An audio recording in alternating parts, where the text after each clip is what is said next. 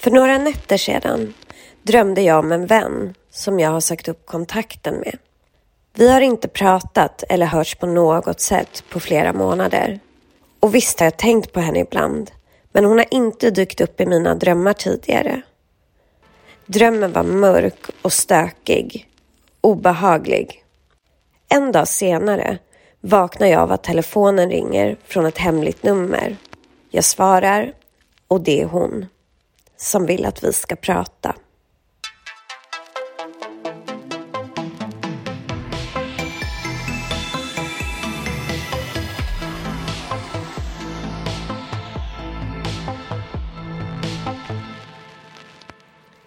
Välkommen till Häxtimmen.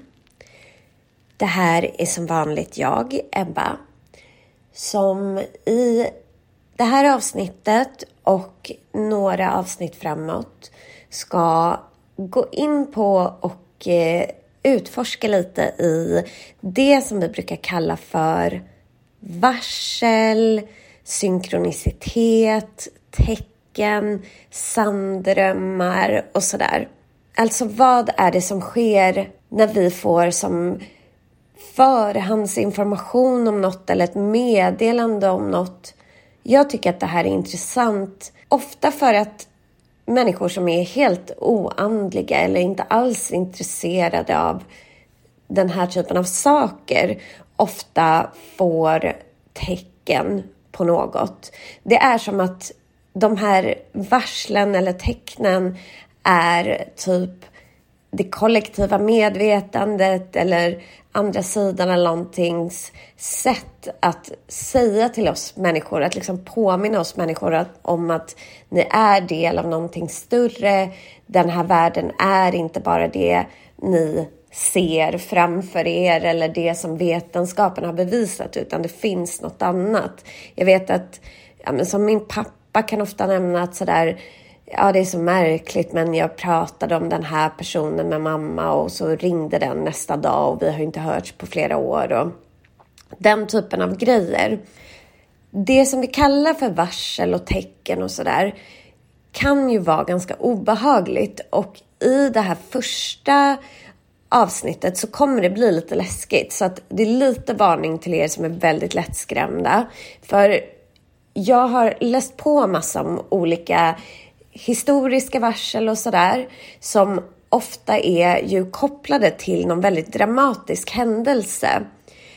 Det kommer ju ganska ofta sådana här små varsel eller vad vi ska kalla dem. Just som jag berättade i mitt exempel i inledningen att en kompis då eller en före detta vän ringer upp mig efter att jag drömt om henne och vi inte har haft kontakt på flera månader det där är ju saker som kan ske ganska ofta. Ni vet, man tänker på någon, den dyker upp och sådär. Men det finns ju också varsel som verkar få lite större betydelse. För ofta är de ju kopplade till ganska dramatiska händelser. Och det finns ganska mycket sådana här exempel och jag kommer berätta om en del sådana för er idag. Om människor som kanske har fått någon slags förebud om sin egen död eller saker som har hänt kring stora olyckor och sådär. Kring 9-11 till exempel, ni vet när terrorister körde in i World Trade Center i USA och jättemånga dog. Runt det så finns det faktiskt flera böcker skrivna av människor om alla varsel som var kring det här. Det var många människor som undvik att gå till jobbet den dagen och på så sätt inte var i World Trade Center när planen störtade in där. Folk som bokade av sina flygresor de hade med de här planen. Men också människor som har förlorat anhöriga som vittnar om och berättar att de här anhöriga dagarna inför 9-11 hade märkliga drömmar om sin egen död eller faktiskt om att plan störtade in i en byggnad när de var och så vidare. Så att det här är ju inte så trevligt, men det finns något i det som på något sätt skulle kunna vara hoppfullt.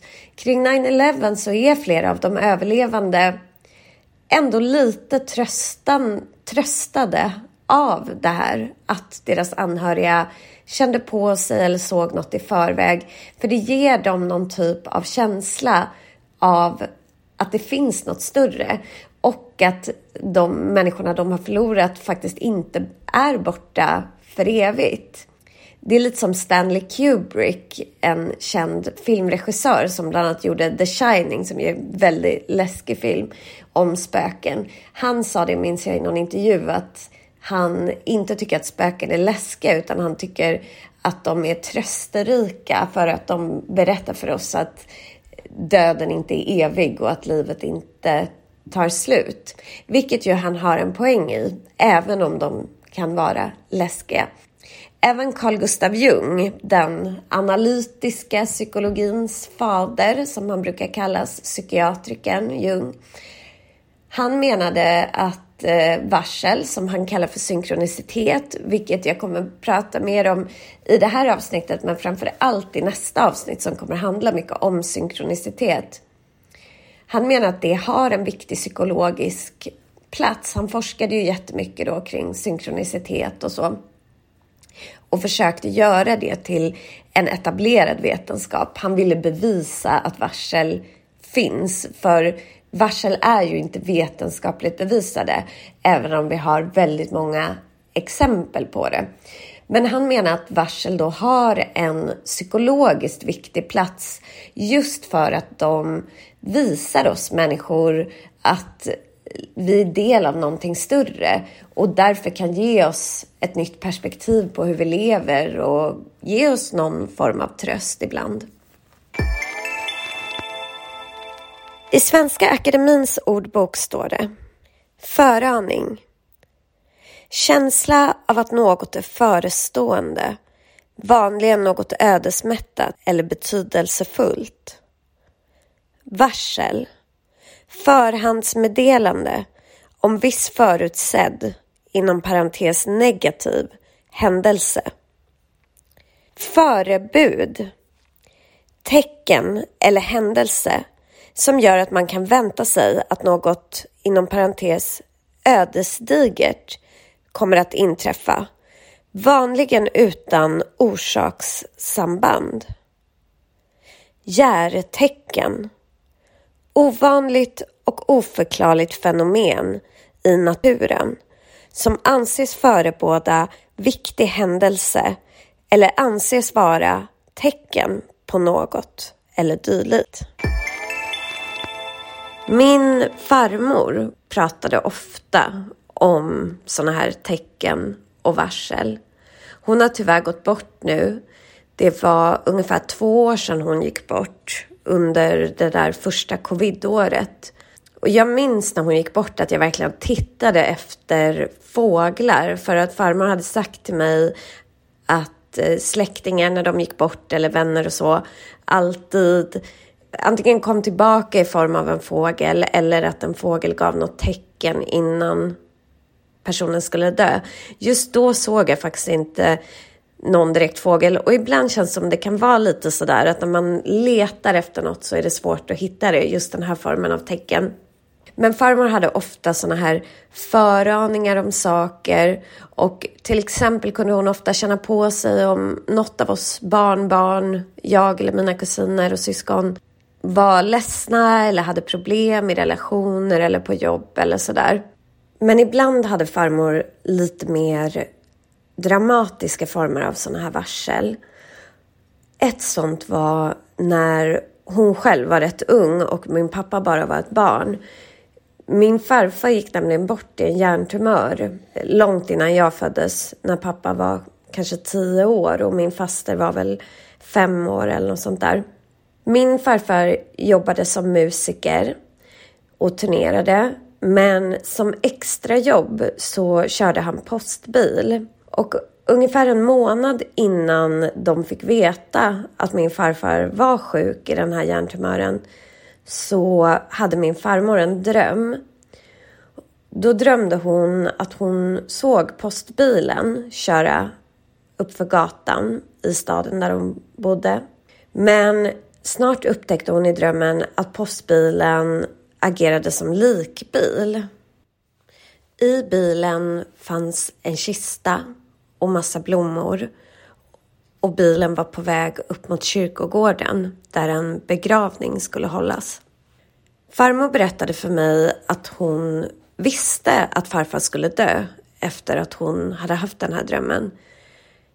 Jag vet inte, alltså jag har funderat lite kring det där och jag tänker att det, alltså absolut att hon kände någonting på sig och blev rädd. Men kan man efter en dröm ta in en sån vetskap? Det här var ju något som, ja, när, någon, när ens man dör så är ju det en fruktansvärd sak såklart och hon blev ensam kvar med två små barn. Och hon hade ditintills varit hemmafru och fick nu börja jobba för att försörja familjen. Så var ju en såklart en händelse som förändrade hela deras liv. Plus att de då förlorade sin pappa och sin man. Men jag vet att farmor trodde väldigt mycket på den här typen av tecken och varsel och att hon alltså hade väldigt stor tro på att de fanns och att de var verkliga. Och det här berodde bland annat på att hennes egen farfar som bodde i Småland på gränsen till Blekinge var synsk. Det finns massa historier om honom. Jag vet att jag har berättat någon i podden tidigare. Men en av dem är att han själv förutsåg sin egen död. Han vaknade en morgon när han var gammal, så han dog ju i en ganska hög ålder. Men han vaknade på morgonen och sa till sin fru att idag kommer jag att dö. Och hon tyckte att nej, det kommer du inte, liksom, det här är dumheter. Men han hade haft en dröm på natten där släktingar som var på den andra sidan, alltså döda släktingar, hade kommit till honom i drömmen och sagt att nu är det din tur, du ska komma hit och vara med oss nu. Senare den dagen på eftermiddagen så föll han ihop i, ute på gården i en hjärtattack och gick bort. I USA så finns det faktiskt sådana här berättelser om en av deras första och mest kända får man väl säga presidenter, Abraham Lincoln som är faktiskt en väldigt spännande person som jag har börjat läsa en del om. Han eh, var ju väldigt intresserad av eh, spiritism och okultism och han höll flera seanser på Vita huset. Det här tycker jag är spännande. Han spökar också eh, på Vita huset. Massa kända politiker som har varit på Vita huset, alltså presidenter som har bott där och folk som har hälsat på som Winston Churchill och olika kungligheter och sådär har sett Lincolns spöke, har de berättat om. Men Abraham Lincoln, eller Abe Lincoln som han kallades, han förutsåg också sin egen död på vid två olika tillfällen. Lincoln blev ju mördad av en politisk motståndare, vilket ju jag tycker är väldigt sorgligt för att Lincoln är ju framförallt känd och liksom hyllad för att han var väldigt emot slaveriet som ju är en ja, så vidrig del av USAs historia att det knappt går att tänka på.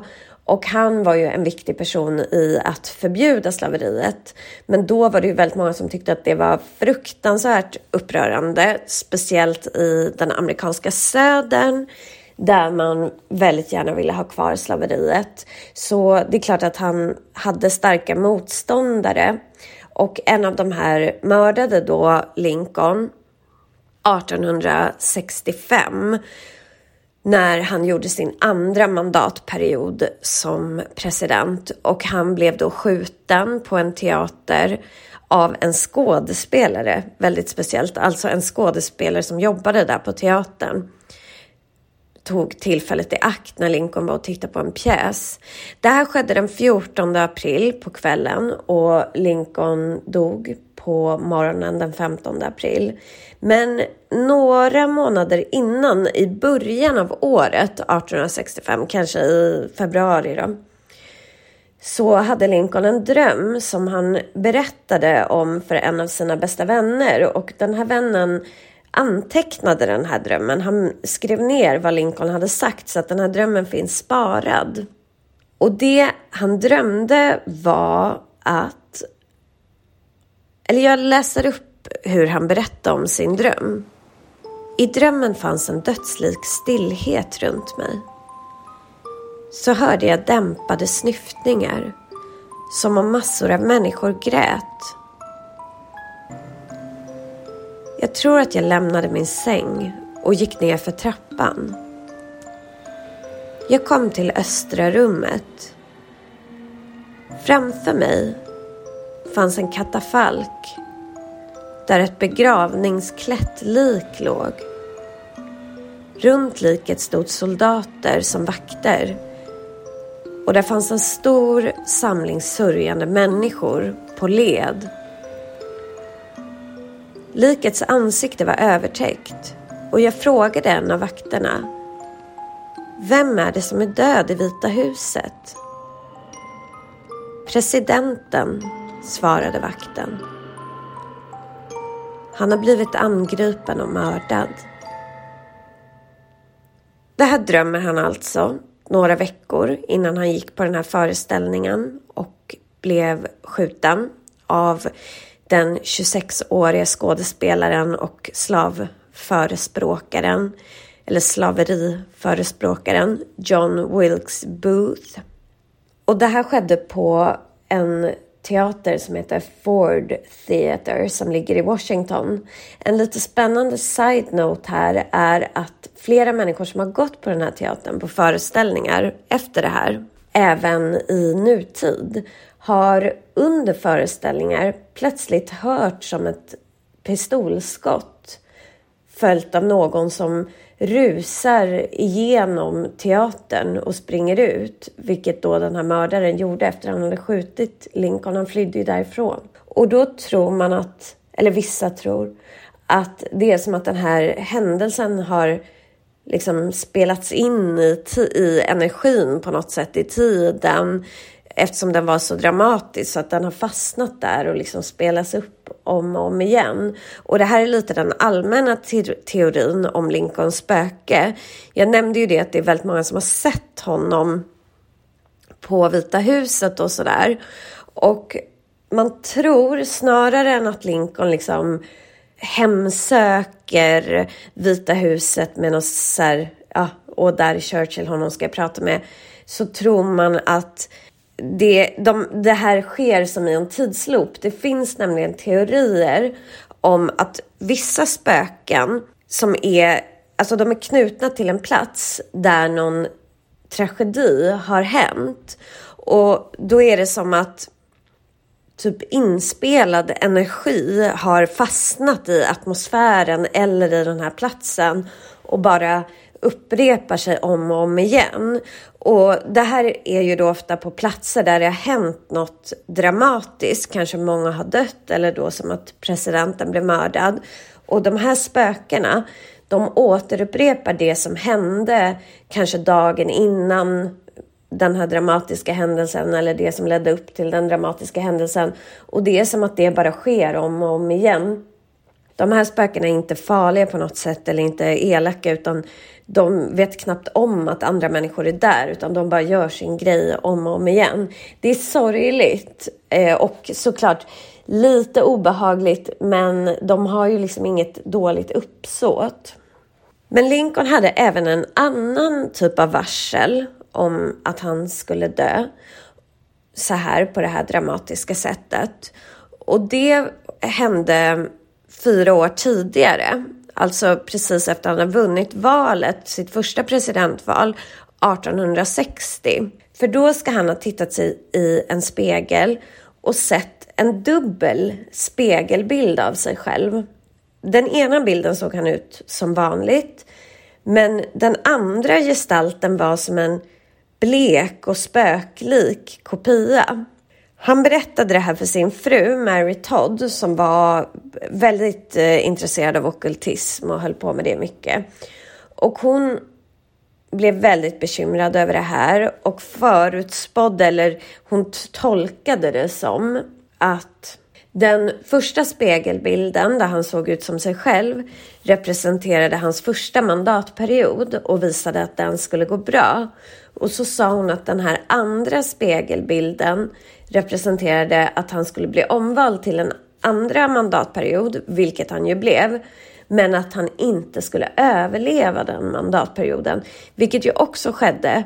Och jag vet inte, alltså det känns jag vet inte vad jag skulle säga om min partner förutspådde något liknande till mig. Men jag tänker, hon kanske var lite pessimistisk. Hon kanske också var väldigt orolig för sin man i och med att det var väl väldigt polariserat och det fanns, alltså det kanske var en kontroversiell åsikt då att vara emot slaveriet och ta striden med de här väldigt aggressiva krafterna i den amerikanska södern.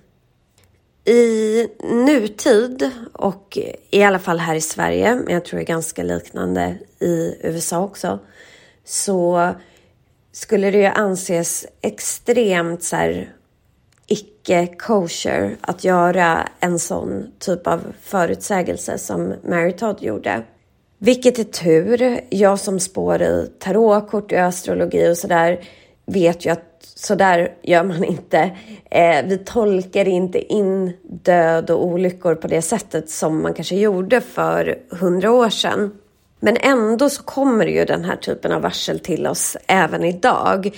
Även om vi kanske inte berättar det för någon i förväg eller sådär. Men, och jag har märkt att i så här nyhetsdokumentärer som det finns mycket av och som jag lyssnar på en hel del av, ni vet P3 Dokumentär eller Rättegångspodden och sådana där, så dyker det ganska ofta upp små anekdoter eller berättelser om olika varsel från överlevande i olika katastrofer som de berättar om eller anhöriga till offer för olika grejer och sådär. En sån dyker upp i ett väldigt sorgligt avsnitt av P3 Dokumentär som handlar om mordet på Elin Krantz. Hon var en 27-årig tjej som blev mördad av en person hon inte alls kände efter en utekväll i Göteborg för, ja det är 12 år sedan det hände. I dokumentären om henne så medverkar en av hennes bästa vänner som berättar om Elin och den här händelsen och sådär. Då bland annat berättar kompisen att den här kvällen när Elin var på väg ut, alltså den natten där hon sen blev mördad, så pratade kompisen telefon med Elin.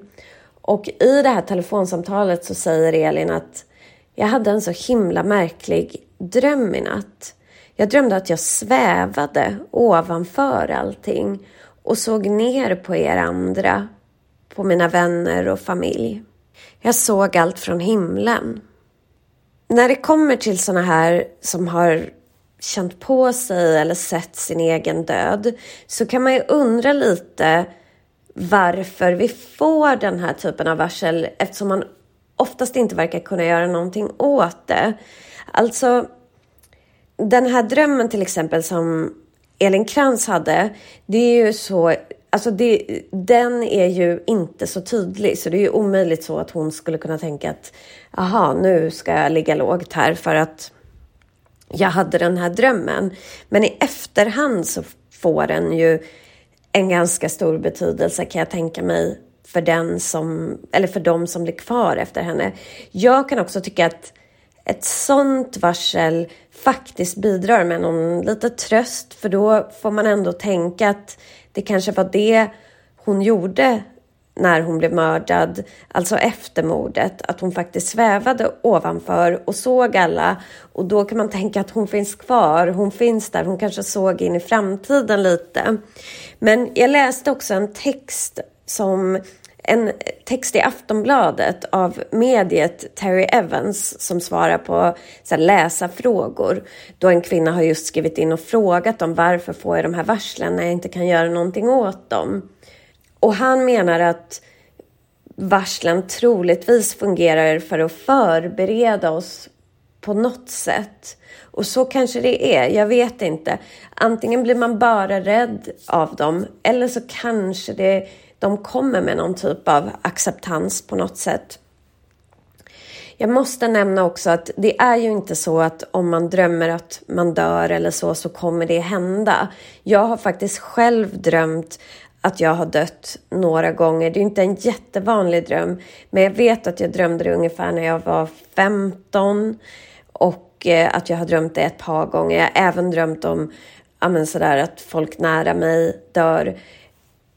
Och jag, alltså, eh, jag säger inte att det aldrig kommer hända. Det är klart jag kommer dö, men det hände inte då och det har gått liksom ja, 20 år sedan dess. Så att man behöver inte få panik om man drömmer en sån här dröm. Däremot kan jag tycka att det är något man behöver vara lite uppmärksam på och kanske notera då för sig själv.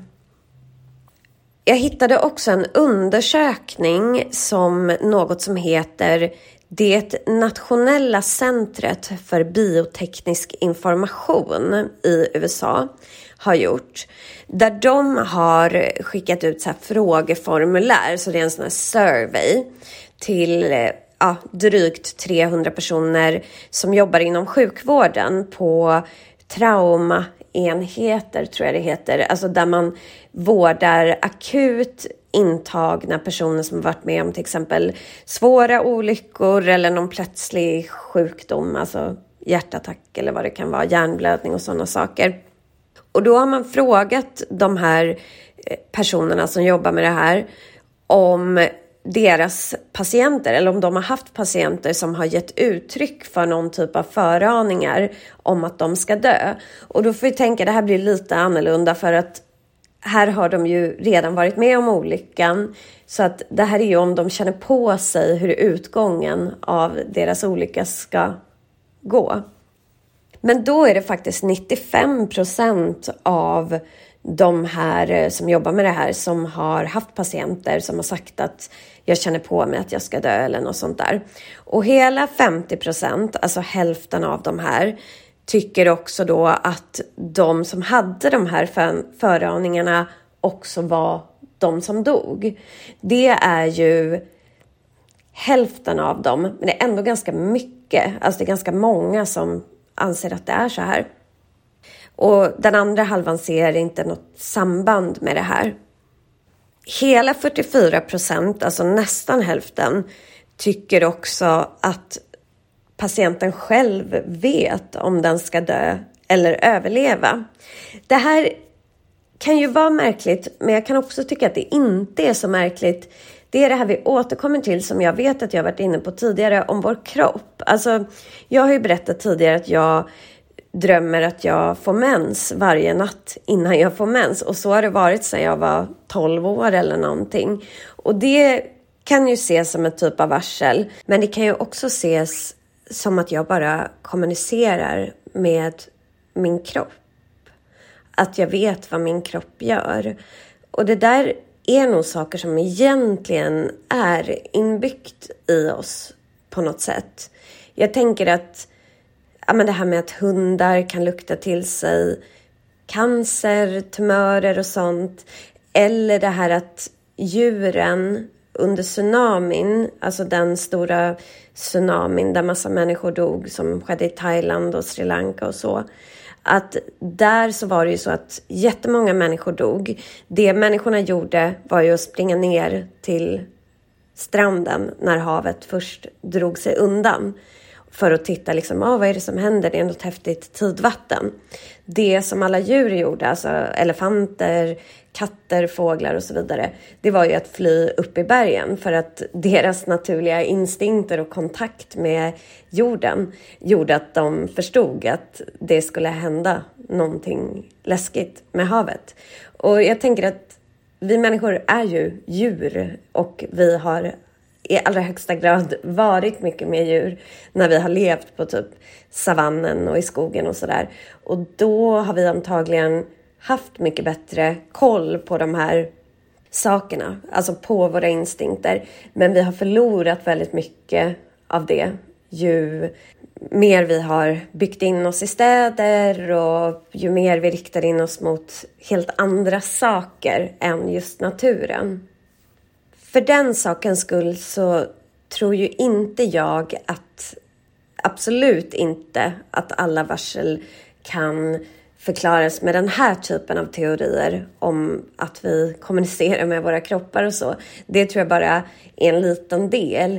En person som till exempel då Elin Krantz kan ju inte känna på sig att någon i, hon kan ju inte i naturen eller i sin kropp känna in att någon helt plötsligt ska mörda henne kommande dag. Och det är här en av eh, Carl Gustav Jung, som jag nämnde i början av avsnittet, hans teorier kommer in. Jung ansåg att vårt mänskliga psyke är uppdelat i tre delar, kan man väl kalla det, eller tre dimensioner. En dimension är den medvetna, alltså det jag använder nu när jag sitter och pratar med er, när jag tänker och resonerar och sådär. En del är det undermedvetna som är liksom kanske drifter och mina känslor och rädslor och sådär som jag har underliggande. Och en del kallas för det kollektiva omedvetna. Man kan väl säga att det medvetna och det undermedvetna är på något sätt vetenskapligt bevisat. Det kollektiva omedvetna är inte det, men det är ändå ett ganska vedertaget begrepp inom psykologi och verkligen inom många andliga kretsar. Jung menade att i det kollektiva omedvetna så finns hela mänsklighetens samlade erfarenheter och visdom. Och på den här nivån så är vårt psyke liksom obundet och det är sammanlänkat med andra människors omedvetna. Man kan se det här som ett stort nät av olika psyken och här är det som att vi överskrider tid och plats och orsak och verkan och allt sånt där. Och här är man då öppen för inflytande från hela universum, från alla tider egentligen. Och Jung ansåg att vi är i kontakt med det kollektiva undermedvetna när vi drömmer på nätterna.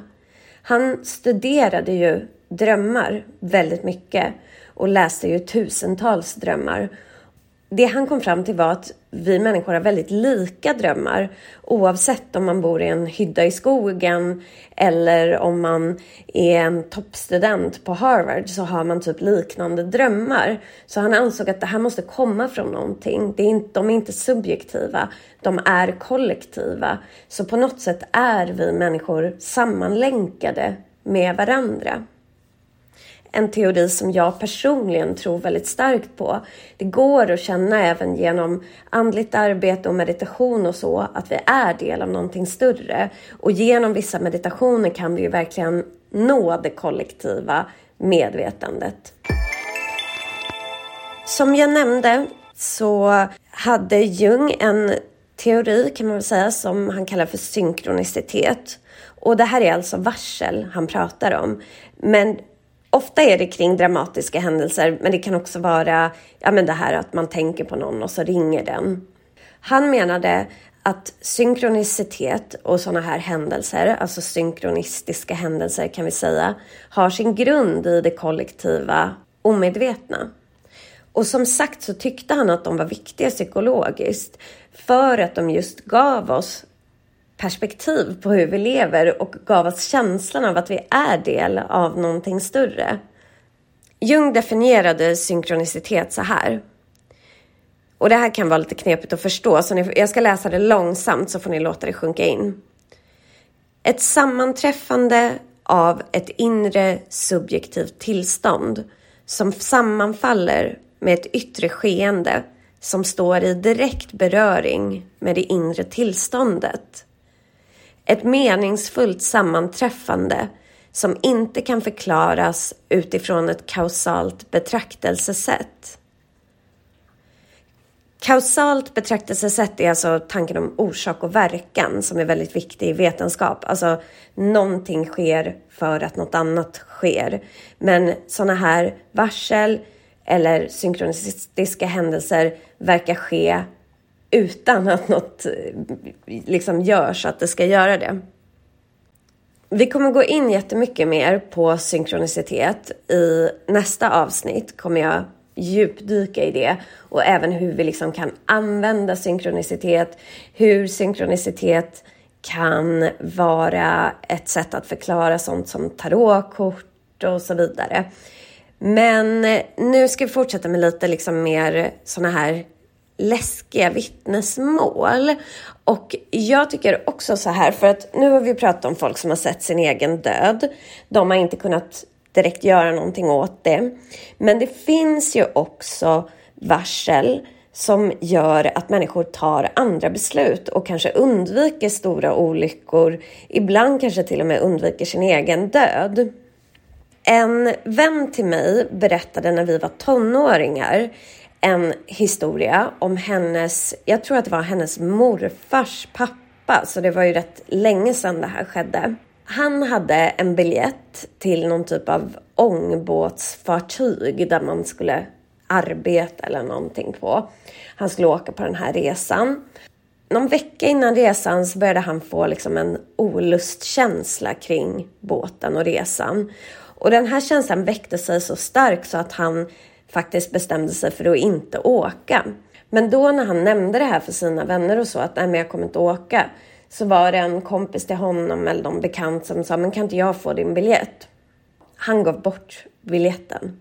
Vad ska man göra? Säga nej, du får inte åka. Nej, men så han gav bort biljetten.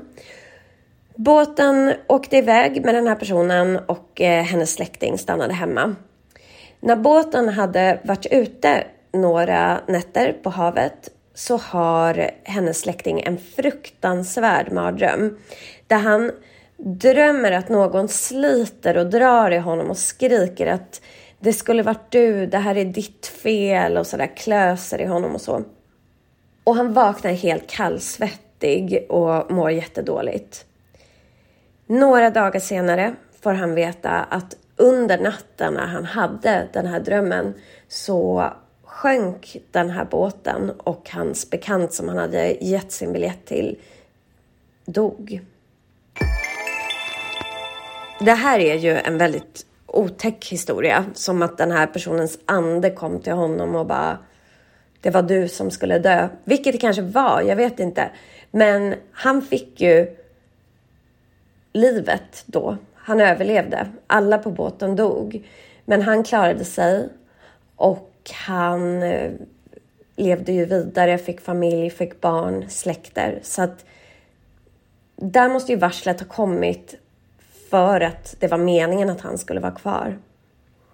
Ett annat sånt här fall där det känns som att det har kommit något medlande från det kollektiva medvetandet, från andra sidan eller vad man ska kalla det, för att hjälpa oss på något sätt.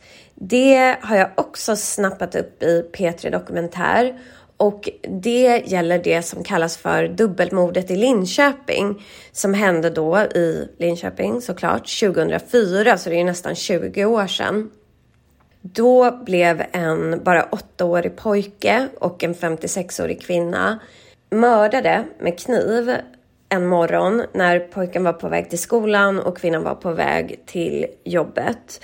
Och eh, gärningsmannen flydde platsen Polisen hade DNA-spår och man hade vittnen som hade sett den här personen och så. Men man hittade inte gärningsmannen. Och fanns liksom ingen hotbild mot de här. Man, hade inget, man visste inte hur man skulle leta. Och polisen tänkte att det här är ju liksom en eh, vansinnesdåd. En gärningsman som bara gav sig på två okända personer. Så man har ju letat efter den här personen i typ 20 år och till slut så löste man fallet med en ny metod som man har börjat använda i Sverige och det var bara ett eller två år sedan, så det tog alltså typ 20 år att lösa fallet. Men med så här släktforsknings-DNA, alltså en släktforskare tittade på DNA och kunde till slut hitta då mördaren. Mördaren visade sig vara en enstörig man som hette Daniel Nyqvist. I den här dokumentären så berättar en av poliserna att det finns anteckningar i den här gigantiska polisutredningen om att eh, den åttaåriga pojkens pappa har ringt in, jag kommer inte ihåg om det var en gång eller flera gånger, och sagt att han har drömt att mördaren heter Daniel. Det här har polisen antecknat men jag gissar att de inte har gjort jättemycket åt det. Men när man sen får veta att mördaren heter Daniel så blir det här ganska speciellt. Och det har ju dessutom varit en tillräckligt stark eller tydlig dröm eller så för att pappan ska ringa in till polisen och berätta det. Jag ska nu berätta för er om en olycka som skedde för nästan 60 år sedan men som faktiskt ledde till psykologisk forskning kan man säga om eh, föraningar och någonting som en psykiatriker kallade för förkatastrofsyndrom. Olyckan som var till grund för det här skedde 1966 i en by som heter Aberfan och som ligger i landet Wales. Aberfan är en kolgruveby som tydligen är ganska vanligt i Wales. Men den här byn låg som i en dalgång under kolgruvan där man jobbade då med att ta ut kol. Man hade varit ganska oförsiktig i sitt arbete med kolen och det avfallet som blev över, som man kallar då för kolslagg, hade man samlat på hög utanför den här gruvan. Så 1966 så fanns det en stor hög med miljontals ton kolslagg över den här byn. Den 21 oktober, en fredagsmorgon, efter att det hade regnat väldigt intensivt under flera dagar i Aberfan, så börjar den här högen av massa svart, typ gegga kan vi säga, väldigt äckligt, åka ner mot byn. Och ingen hann göra någonting. Ingen hann varna någon eller stoppa det på något sätt. Så att 20 radhus och stadens hela grundskola som var full av elever vid den här tiden begravdes i det här kolslammet. 144 personer omkom och av dem var 116 stycken barn då på skolan som var mellan 7 och 10 år gamla. Man, alltså, när man skulle, under räddningsarbetet efter försökte man gräva ut barnen men det var väldigt få som man lyckades hitta överlevande. Och ni kan ju tänka er hur extremt tragisk den här olyckan var. Det här var ju en ganska liten by. Det är ju typ som att byns alla barn nästan mellan 7 och 10 år försvinner. Det skrevs givetvis mycket om den här olyckan och eh, efter den så reste många personer från hela Storbritannien till Aberfan för att hjälpa till på olika sätt. Och en av dem som kom dit var en psykiatriker som hette John Barker. Han var en 42-årig engelsman som kom dit för att hjälpa föräldrar som förlorat sina barn med samtalsterapi och traumabearbetning och så. Men under sina samtal med de här föräldrarna så fick Barker höra lite märkliga saker som gjorde att han började spetsa sina öron. Flera av föräldrarna berättade saker som barnen hade sagt eller gjort innan olyckan. Som om de hade vetat om det här eller känt på sig det på något sätt. Två exempel är den åttaåriga pojken Paul Davis som dog i den här olyckan. Kvällen innan så hade han ritat en teckning som föreställde en stor svart hög där människor stod och grävde i. Alltså ungefär som det såg ut när man försökte rädda barnen ur den här högen av kol. Och ovanför det här hade han skrivit the end, alltså slutet. Ett annat exempel var en tioårig flicka som också gick bort i olyckan. Som hette Errol May. Hon hade dagen innan olyckan bara sagt till sin mamma att mamma jag vill berätta min dröm. Och mamma sa att nej men jag har inte tid och hon sa jo du måste lyssna.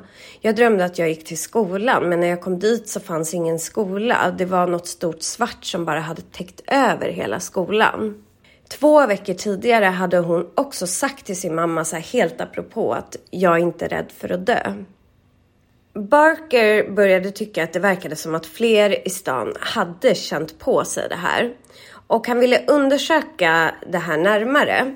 Hans teori var nämligen att extremt våldsamma och liksom chockerande händelser kanske kunde skicka någon typ av mentala eller då psykiska chockvågor i förväg.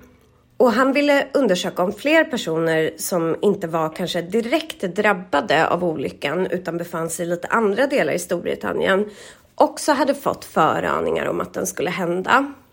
Han lyckades faktiskt övertala tidningen Evening Standard som hade en cirkulation på 600 000 personer vid den här tiden att skriva en artikel där de uppmanade britter att höra av sig om de känt på sig den här olyckan på något sätt. Och rubriken löd så här. Did anyone have a genuine premonition before the cold tip fell on Aberfan? That is what a senior British psychiatrist would like to know. Barker fick 76 svar med drömmar och syner som hade då ägt rum innan Aberfan. Bland annat hörde en 63-årig man i Lancaster av sig och han hade två nätter innan olyckan skedde haft en dröm där han plötsligt såg som vita lysande bokstäver framför sig bilda ordet Aberfan, en by han inte kände till. Barker sållade ju de här breven och han blev speciellt intresserad av sju av brevskrivarna som han ville ha fortsatt kontakt med. Här myntade han då någonting som han kallade för förkatastrofsyndrom och han trodde att det här kunde vara något som en mindre del av befolkningen hade. Att de var lite som så här mänskliga seismografer för olyckor och extrema händelser. Han jämförde det lite med eh, tvillingpar, alltså enäggstvillingar som sägs att de ofta kan känna av varandras smärta och känslor även om de är i olika länder och sådär. Och det här ledde faktiskt till att tidningen Evening Standard tillsammans med Barker startade en liten avdelning som de kallade för The Premonitions Bureau. Alltså typ föraningsbyrån. Det här gick ut på att eh, läsare under ett år skulle skicka in drömmar och föraningar som de fick till tidningen som sedan skulle då jämföra de här drömmarna med faktiska händelser. De fick ju in en hel del brev och vissa kanske inte var så noteworthy. Men det var några saker som stack ut. En sån var eh, den första händelsen som blev eh, speciell liksom. Den kom där under våren. Och då var det en man som hörde av sig och sa att han hade drömt om en flygolycka i bergen där 124 personer skulle omkomma. Först hände ingenting, men 30 dagar senare så störtade faktiskt ett brittiskt passagerarflyg i Cypern in i ett berg och eh, 124 personer dog. Det var även en kvinna som förutsåg eh, mordet på John F Kennedy, presidenten. Men visst, Alltså, det fanns detaljer där i som var lite speciella. Men samtidigt kan man ju tänka sig att det inte är så svårt att förutspå ett presidentmord. Men det var datum och sådana grejer som stämde överens. Det här experimentet fick ett ganska märkligt och lite kanske obehagligt slut. Det var nämligen så att eh, två av de här personerna, bland annat den här mannen som hade sett den här flygolyckan, började höra av sig till Barker och säga att de hade fått föraningar om att han skulle dö. En av dem hade sett honom bredvid sina döda föräldrar i någon dröm. Barker var ju bara, jag tror han var 44 eller 46 år gammal när han när det här hände, så att han var ju inte gammal. Men han dog faktiskt inom kort. Han fick någon så här hjärnaneurysm och föll ihop och dog i väldigt ung ålder. Så att experimentet fick ju tyvärr ett slut här. Men jag tycker att det finns lite intressanta grejer i det här med förkatastrofsyndrom som verkligen är kopplat till vårt kollektiva medvetande. För man tänker att om vi har ett kollektivt medvetande, vilket ju jag tror, så kanske det verkligen skakar till där i just när något väldigt extremt och obehagligt händer som påverkar folk väldigt mycket. Alltså, man kan ju tänka sig att våra känslor, alltså om vi känner sorg, chock eh, och så, så har det någon typ av energi. Och om man tänker i det kollektiva medvetandet som Jung var inne på, att tiden inte är linjär där utan den är lite rörlig, så kan det komma små meddelanden därifrån i förväg. Man kan tänka sig att det är någon typ av chockvåg som skickas ut. Jag har faktiskt haft en lite sån här katastrof eh, föraning eller vad man ska säga, eller katastrofaning kan man kalla det. Det var när jag var ganska ung tonåring och jag och min mamma var på spahotell i någon mindre stad i Sverige. Jag minns faktiskt inte exakt var vi var. Men det var på hösten och eh, det var en natt när vi gick och la oss på det här hotellet och jag hade väldigt svårt att sova. Jag låg och vred mig och jag var också rädd, vilket ju inte hör till kanske vanligheterna. Alltså man kan ju ha svårt att sova, men jag kände mig så här rädd för någonting. Men jag somnade i alla fall och drömde en mardröm hela den natten om att det brann runt omkring mig. Jag minns att jag, drömmen var att jag var med mina kompisar eller min klass eller så och att vi såg eld runt om oss. Vi satt bland annat på en klippa och tittade på när det brann. När jag vaknade så var det sådär, man känner, åh skönt att vakna, det var en obehaglig natt. Men då säger min mamma som jag har jobbat med nyheter, alltså hon har varit journalist hela mitt liv, att det har hänt något helt fruktansvärt i natt. Och det här var alltså den natten när diskoteksbranden i Göteborg ägde rum. Och när, alltså det var ju 63 unga människor eh, som dog i det här, ungdomar, och 214 som skadades. Och jag tänker att, alltså jag såg ju inte exakt det som hände, men jag såg eld. Jag såg det ju inte i förväg, så det var inte någon varning så, utan det var kanske som att smärta eller rädsla eller eld eller så upplevelsen av eld sipprade igenom det kollektiva medvetandet in i min dröm på något sätt. Nästa vecka ska vi prata lite om Titanic, men vi ska också prata mycket om teorier om synkronicitet och det kollektiva medvetandet och föraningar. Och vi kommer prata mer om hur man kan vässa sin intuition lite och faktiskt använda synkronicitet och så. Och titta lite mer på händelser där sådana här upplevelser har varit till större hjälp än i de här fallen där de har varit ganska läskiga. Men jag vill jättegärna veta om ni har varit med om sådana här upplevelser. Jag tänker mig att de flesta av er har varit med om sådär att någon har ringt eller det har hänt något. Men ni får jättegärna berätta om det har varit med om något mer dramatiskt eller något lite skrämmande. Och det går jättebra att skriva DMs till mig på Instagram. Det är där jag läser mest och jag heter ju Tarotgari på Instagram. Vi har en häxtimmen Instagram men jag uppdaterar och är inne på Tarotgari mycket mer. Ta hand om er till nästa vecka och eh, ha en fin andra advent i helgen.